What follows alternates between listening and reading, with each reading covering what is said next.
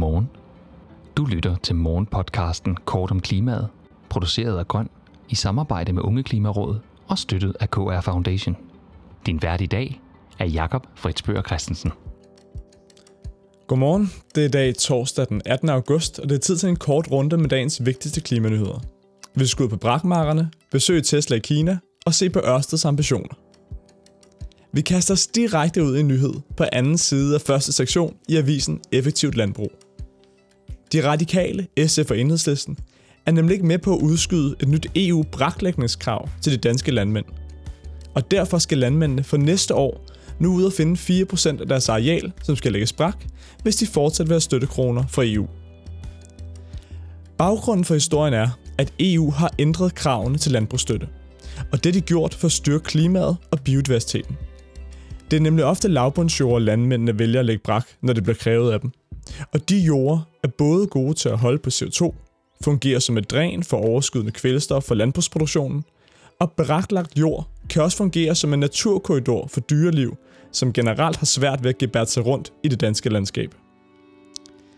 GLM krav 8 dikterer, at mindst 4% af et landbrugs støtteberettiget areal hvert år skal bestå af uproduktivt areal til gavn for biodiversiteten. Og det træder i kraft i år 2023. Men på grund af krigen mellem Rusland og Ukraine og den tilhørende fødevarekrise, har EU-kommissionen givet mulighed for, at de enkelte lande kan dispensere og udskyde kravet et år.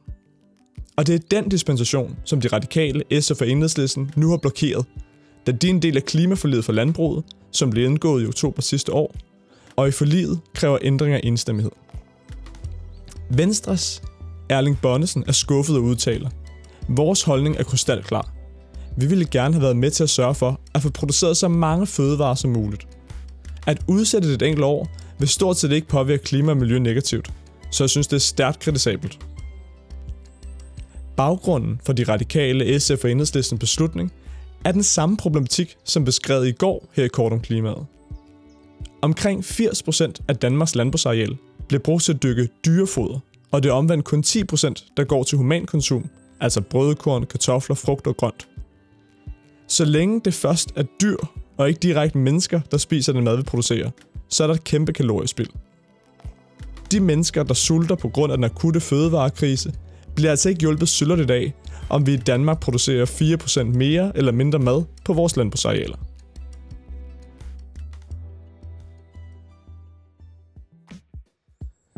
Nu er vi nået til segmentet International Nyt, og det finder vi hos netmediet EnergiWatch.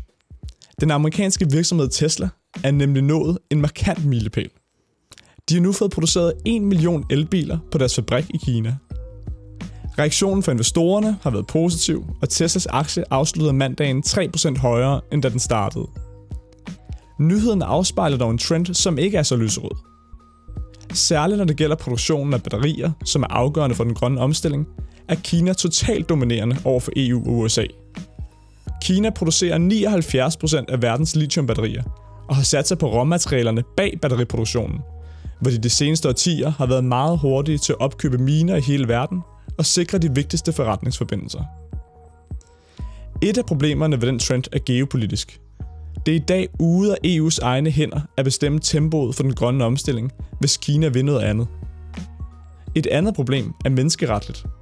Som TV2-dokumentaren Solcellernes skyggeside afslørede den sommer, så er det eksempelvis hver femte solpanel, der er sat op herhjemme i private hjem, som benytter komponenter produceret med hjælp af tvangsarbejde fra kinesiske uigur-muslimer.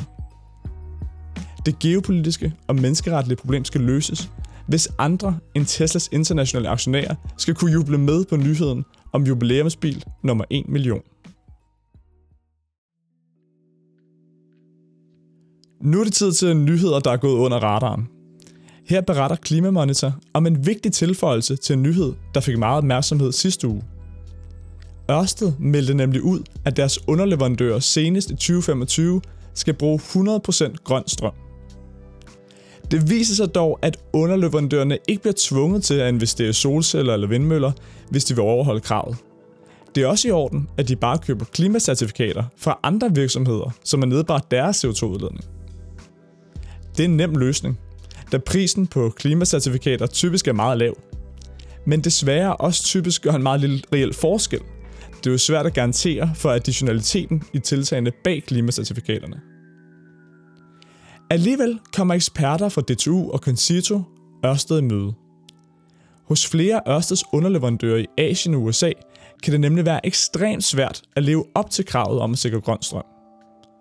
Herhjemme i Danmark er praksis, at virksomhederne underskriver en såkaldt Power Purchase Agreement, hvor de medfinansierer opsætningen af nye solceller og vindmøller, som de så får garanti på at modtage elektricitet fra. Men i mange lande er der for mange regulatoriske barriere til, at virksomhederne kan få lov til, at der bliver bygget solceller eller vindmøller tæt på deres fabrikker med få års varsel. Ørsteds krav kan derfor i stedet lægge det første pres på underleverandørerne til at søge i den rigtige retning. Og det mener eksperterne fra DTU og Conciso også er et godt skridt. Selvom det jo ikke er lige så imponerende som 100% grøn strøm i 2025. Dagens afsluttende gode nyhed er desværre kun skøn at høre, hvis man er svensker. Den svenske regering vil give, hvad der svarer til godt 21 milliarder danske kroner i strømstøtte til svenske husholdninger, der har fået markant højere elpriser på grund af krigen i Ukraine. Herhjemme i Danmark er frygten, at udbetalingen af store støttebeløb vil skubbe til inflationen, men i resten af Europa, og nu også Sverige, er der masser af hjælp at hente. Tak fordi du lyttede med til Kort om Klimaet. Vi er her igen i morgen kl. 8.